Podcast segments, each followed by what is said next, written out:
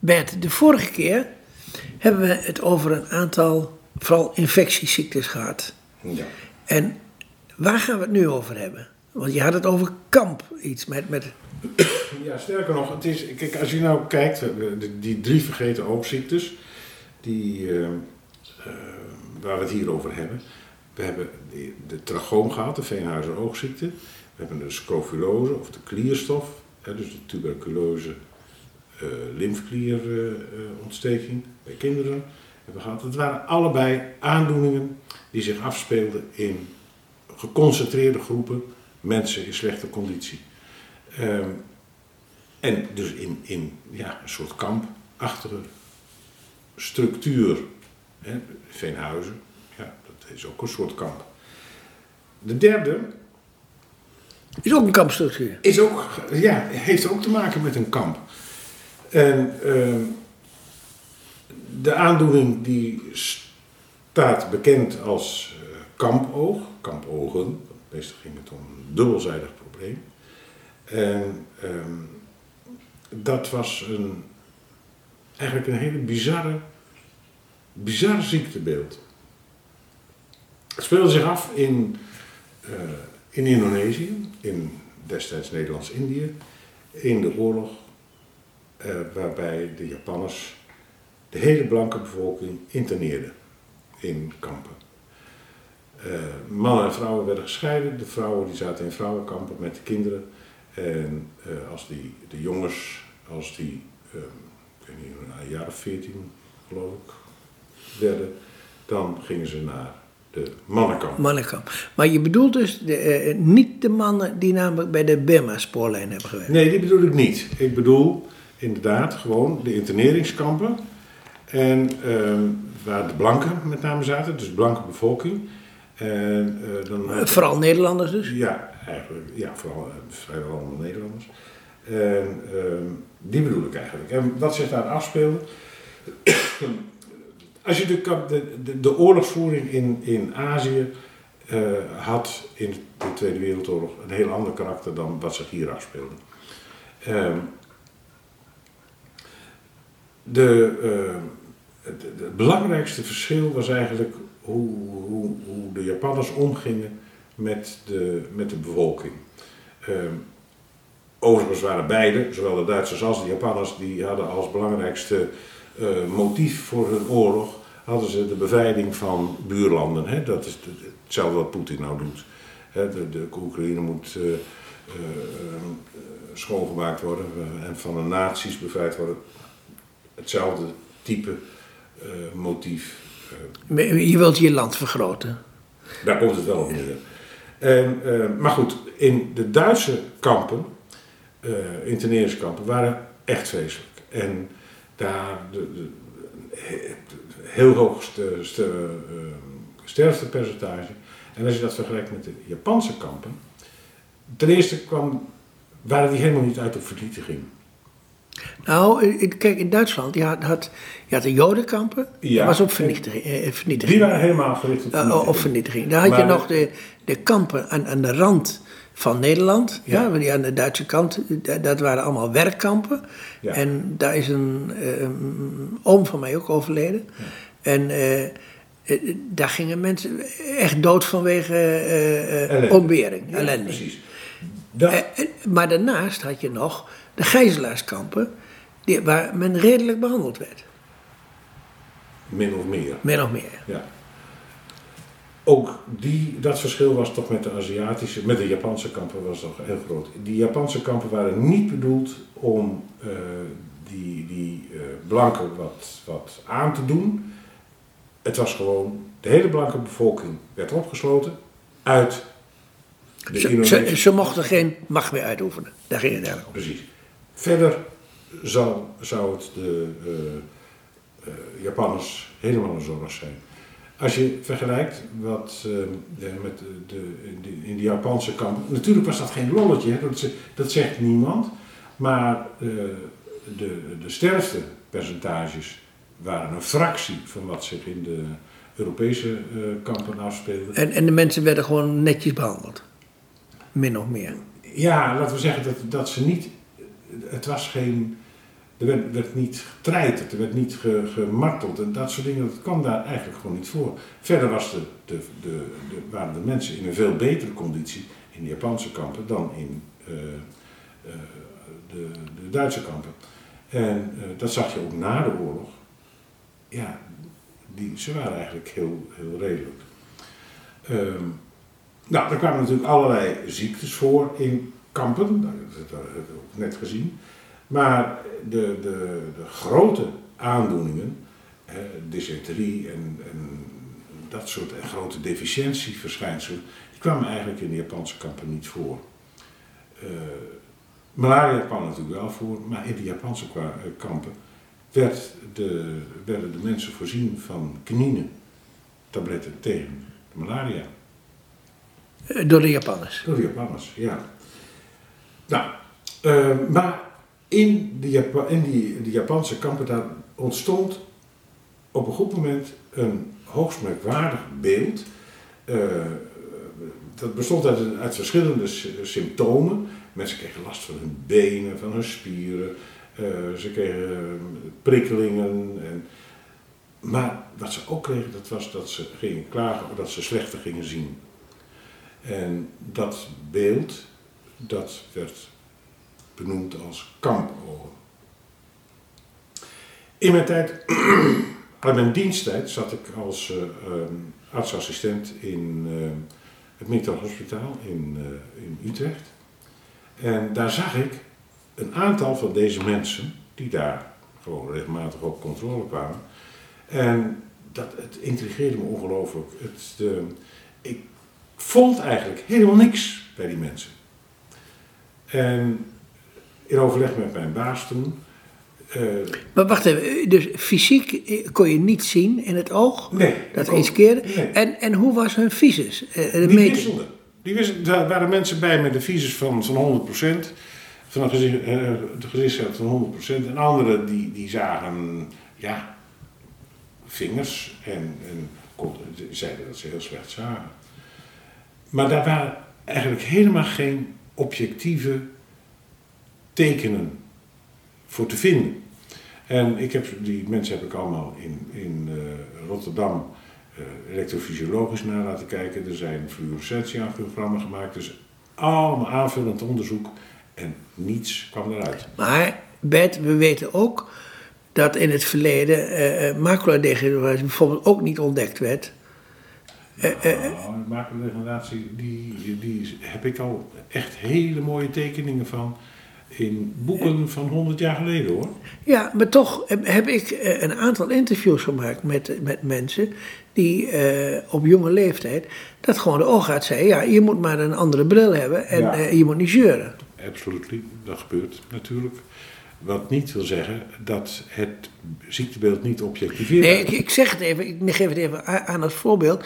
Dat namelijk, ook al kun je niet iets constateren, er kan toch iets zijn. Zeker. Hè, maar als er zo veel mensen overheen gegaan zijn, want over die kampenogen is dat ook zo. Er zijn erg veel mensen zijn er overheen gegaan. En er zijn ook, eh, want dat werd dan gezegd dat het met ondervoeding te maken had. Maar de mensen waren niet ondervoed. Ja, ze waren niet wel doorvoed, maar echt met ernstige deficiëntieverschijnselen kwamen in die Japanse kampen niet voor. Nachtblindheid bijvoorbeeld. Mm -hmm. Eerste teken van een vitamine A-deficiëntie. Nou, je zou toch zeggen, dat moet in die kampen moet dan van, van de. Nou, dat was niet zo. Oké. Okay. En het. Uh, dus daar is er naar gezocht, het kwam er gewoon niet uit. En ik vond ook helemaal niks. En toen zei mijn baas van ja, dat is, dat is gewoon zo en wees maar aardig voor ze, dan, uh, nou ja, dan gaan we gewoon door met controleren. En zo gebeurde dat. Ik ging uit dienst, ik ging een opleiding en vergat wat. Maar ja, je bent dan in feite aan het behandelen, terwijl je namelijk die, uh, die cliënten niet gewoon zegt van nou ja, ik kan niks vinden. Daar is, dat is in de literatuur is dat wel degelijk gezegd.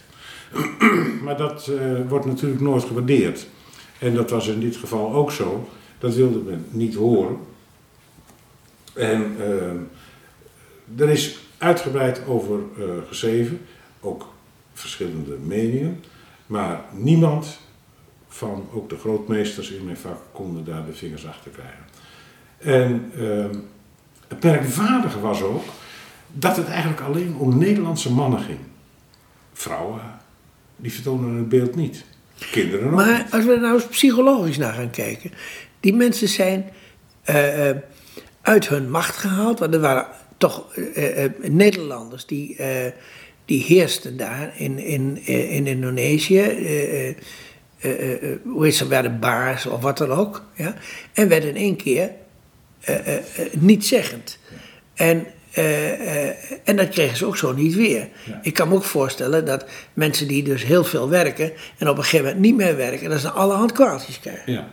Eh, Naar mijn gevoel moet je het inderdaad in deze richting zoeken. En weet je, wat er gebeurde, was dat eh Rudy Kousbroek, de schrijver, fysicus ook, hè, dus een wetenschapper, maar ook een hele goede schrijver. Dat niet alleen, hij was de zoon van een, plant, eh, een plantage-eigenaar in Indonesië. En hij kwam in die kampen.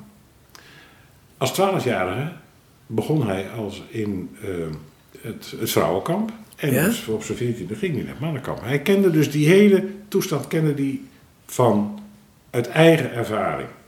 En hij heeft zijn hele eh, geschiedenis, heeft hij samen met de analyse die hij daar aanhangt, en heeft hij beschreven in het boek wat in 1992 uitkwam, het Oost-Indisch kampsyndroom. En dat sprak mij ongelooflijk aan. Want ik had het idee dat het kampogenprobleem, dat dat daar eigenlijk, eh, ja...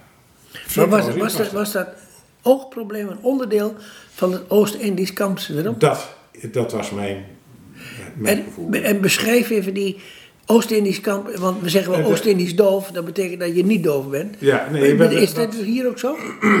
Wat ehm, ehm, eh, Rudy Kousbroek beschrijft, is de, eh, de frustratie en het gevoel van vernedering van een bevolking die jaren, eeuwen, eh, de baas geweest is en ook de absolute baas, de heerser over een ander volk, maar dan van het ene moment op het andere moment helemaal de andere kant op gaat.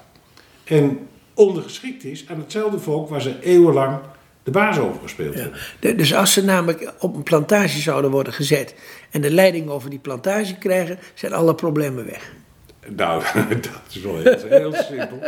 Daar waag ik me niet aan, Jos. Eh, maar ik had wel het gevoel dat, het, dat deze hele problematiek in deze sfeer paste. Ik was zo ver dat ik. ehm, eh, ik had, daar had hier ook stukjes over geschreven, en, maar ik durfde eigenlijk niks te publiceren. En ik denk van, ik schrijf Ru- Rudy Kousbroek om te kijken of, of dit hierin past, wat hij daarvan vindt. En ik had alles klaar liggen en toen dacht ik van ja, ehm, Rudy Kousbroek had namelijk met het verschijnen van het Oost-Indisch kampsyndroom, had hij de hele in, In die gemeenschap. in deze gemeenschap gekregen. En ook niet een klein beetje. Het was zo venijnig, zo fel. En het echt onaangenaam. Dus ik denk van ja, wat, wat gebeurt mij als ik, als, als, als ik me hier ook in ga mengen als babyboomer. Ik heb de oorlog niet meegemaakt. Ik ben ooit in Indo- Indonesië geweest. Wat weet ik er eigenlijk van? Dus ik heb bij mezelf gedacht, dat is niet handig. En ik heb het dus niet gedaan. Maar heb je wel gesproken met Rudy Krijsbroek? Nee. Nee, ik heb Was misschien wel nuttig geweest. Ja, ik, ik vind het doodzonde dat ik het niet gedaan heb, want ik bewonderde hem op alle fronten. En het, ehm, ik had hem graag gesproken, maar ja, hij overleed voordat ik de rijpere leeftijd bereikt had waarop ik het aangedurfd eh, zou hebben. Dus ik heb dat niet, eh, niet gedaan. En, ehm, nou ja, er is, ehm, ja, wat, Dunning ook zegt, in de Tijdsvol Geneeskunde in 1985 werd er een heel nummer besteed aan de, eh, de Indische kamptijd en de gevolgen daarvan. En hij zegt ook van vrijwel niemand is als enkeling vervolgd of geïnterneerd, maar een blanke kolonistensamenleving van ambtenaren en zendelingen, planters en militairen werd collectief gevangen gezet en tenslotte uit de Indische samenleving verwijderd. En dat heeft ze heel, heel, heel diep geraakt en heeft tot grote frustraties geleid met, ja, misschien wel dit soort symptomen. En ehm, de, wat, wat daar bovenop kwam was natuurlijk nog eens een keer de ongelooflijk lauwe ontvangst die ze ten deel viel toen ze in, Nederland aankwamen. Ja. Wat, wat, hebben, wij- wat hebben wij te maken met jullie oorlog? Ja, daar komt het wel zo ongeveer op neer. Ja. En dat heeft ongelooflijk aan zich gefroten. En het, eh, het, de, de- ze hebben geprobeerd om, om eh, te procederen, eh, om, om de, ook, ook een, niet alleen een erkenning, maar ook een financiële erkenning voor hun ja, medische problemen te krijgen. Dat is nooit gelukt. Maar Ook, ook met name voor deze Voor de orgaandoening? ja, ja, ja, ja. Het laatste proces wat gevoerd is om eh, financiële vergoeding te krijgen, is, eh, was nog, is nog in 2004 gevoerd. Zo, Ja, 15 jaar geleden. ja. En dat is dus, eh, nou 15 jaar geleden, dat is iets langer. Hè? Maar goed, het is, eh, dat, dat, is, dat is ook, dat is, hebben ze niet, niet, niet gered. Dus dat werd niet erkend. Maar wordt er nou in zijn algemeenheid toch wel gezegd dat het, ja, dat het een beetje flauwekul was? Het is natuurlijk geen flauwekul, maar het is een aandoening die waarschijnlijk niet echt op fysieke, eh, objectiveerbare verschijnselen eh, berust. Hm. En het is toch heel merkwaardig dat in, in een kamp, dat, dat het eigenlijk alleen maar met Nederlandse mannen voorkwam. Niet bij Engelsen. Hoe kan dat? Ja, onbegrijpelijk. In ieder geval, ik heb daar nergens een verklaring voor kunnen vinden, behalve dan dat het toch een kwestie is van, ja, je vernederd voelen. Maar inmiddels is de bijl daarover gevallen. Weet je, nee, er is geen bijl gevallen. Het is langzaam maar zeker eh, verdwenen in, In vergetelheid. in vergetelheid en, en in de geschiedenis. Dus ja, het is echt een vergeten ziekte. En we halen nou de schouders erover op. Nou nee, want de schouders worden er zeker niet over opgehaald. Want we, er, zijn natuurlijk, overeenkomsten met allerlei aandoeningen waar we nu mee te maken hebben. Eh, eh, er zijn een heleboel aandoeningen waarvoor we eigenlijk eh, waar we een vergelijkbaar probleem mee hebben, waar we eigenlijk niks voor kunnen vinden, geen, geen, geen lichamelijk substraat zal ik maar zeggen, geen lichamelijke afwijkingen. Maar die mensen hebben wel klachten. En eh, er is zelfs een woord voor, hè, solk. Somatisch, onverklaarbare Somatisch, ja, klachten. ja. Ja. Ja. Maar ben je daarvoor als arts? Nou, Moet je daar, moet je daar iets mee als arts? ja, weet je, het, het, eh, ik denk dat, ze, dat de mensen met klachten, met klachten, fysieke klachten, want de klacht is natuurlijk, eh, het is een fysiek probleem. Ze, ze, ze komen met een fysiek probleem. Ze zien niet goed, Mhm. Of ze kunnen niet meer goed lopen. Of ze hebben constant pijn. Of, hè? Dus dan komen ze bij een dokter. Maar die dokter vindt niks. De volgende dokter vindt niks. Vaak gaan deze mensen ook een ongelooflijk medisch circuit door.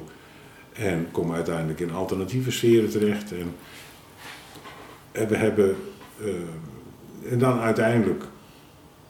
Ja, denk ik dat er een, een soort teambehandeling nodig is. Dat wat die solk eh, doen. Hè. Dat zijn Mhm. teams bestaan uit psychologen, psychiaters, eh, nou ja, en dokters. Ja, is dat misschien vergelijkbaar dat, dat nu al die Oekraïnse vluchtelingen nu allemaal psychologische hulp nodig hebben?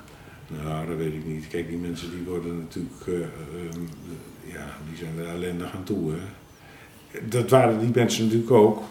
En eh, alleen, ja, ik heb niet de indruk dat de Oekraïners, de, de Oekraïners die wij hier, eh, die, die hebben lijden aan psychologische problemen door het gedoe wat ze overkomt. Het verlies van huis, goed, alles. Eh, maar ik heb nog niet de indruk dat zich daar een soort ja, onverklaarbaar ziekte, ziektebeeld. Ja, maar het is- ik, ik hoorde net in het nieuws dat er, er zijn 130 eh, psychologen eh, gevlucht. En die moeten natuurlijk ook werk hebben. Ja, eh, jij bent de psycholoog hier, George, niet ik. Oké, laten we het daar maar bij houden. Ja. Hartstikke bedankt. Oké.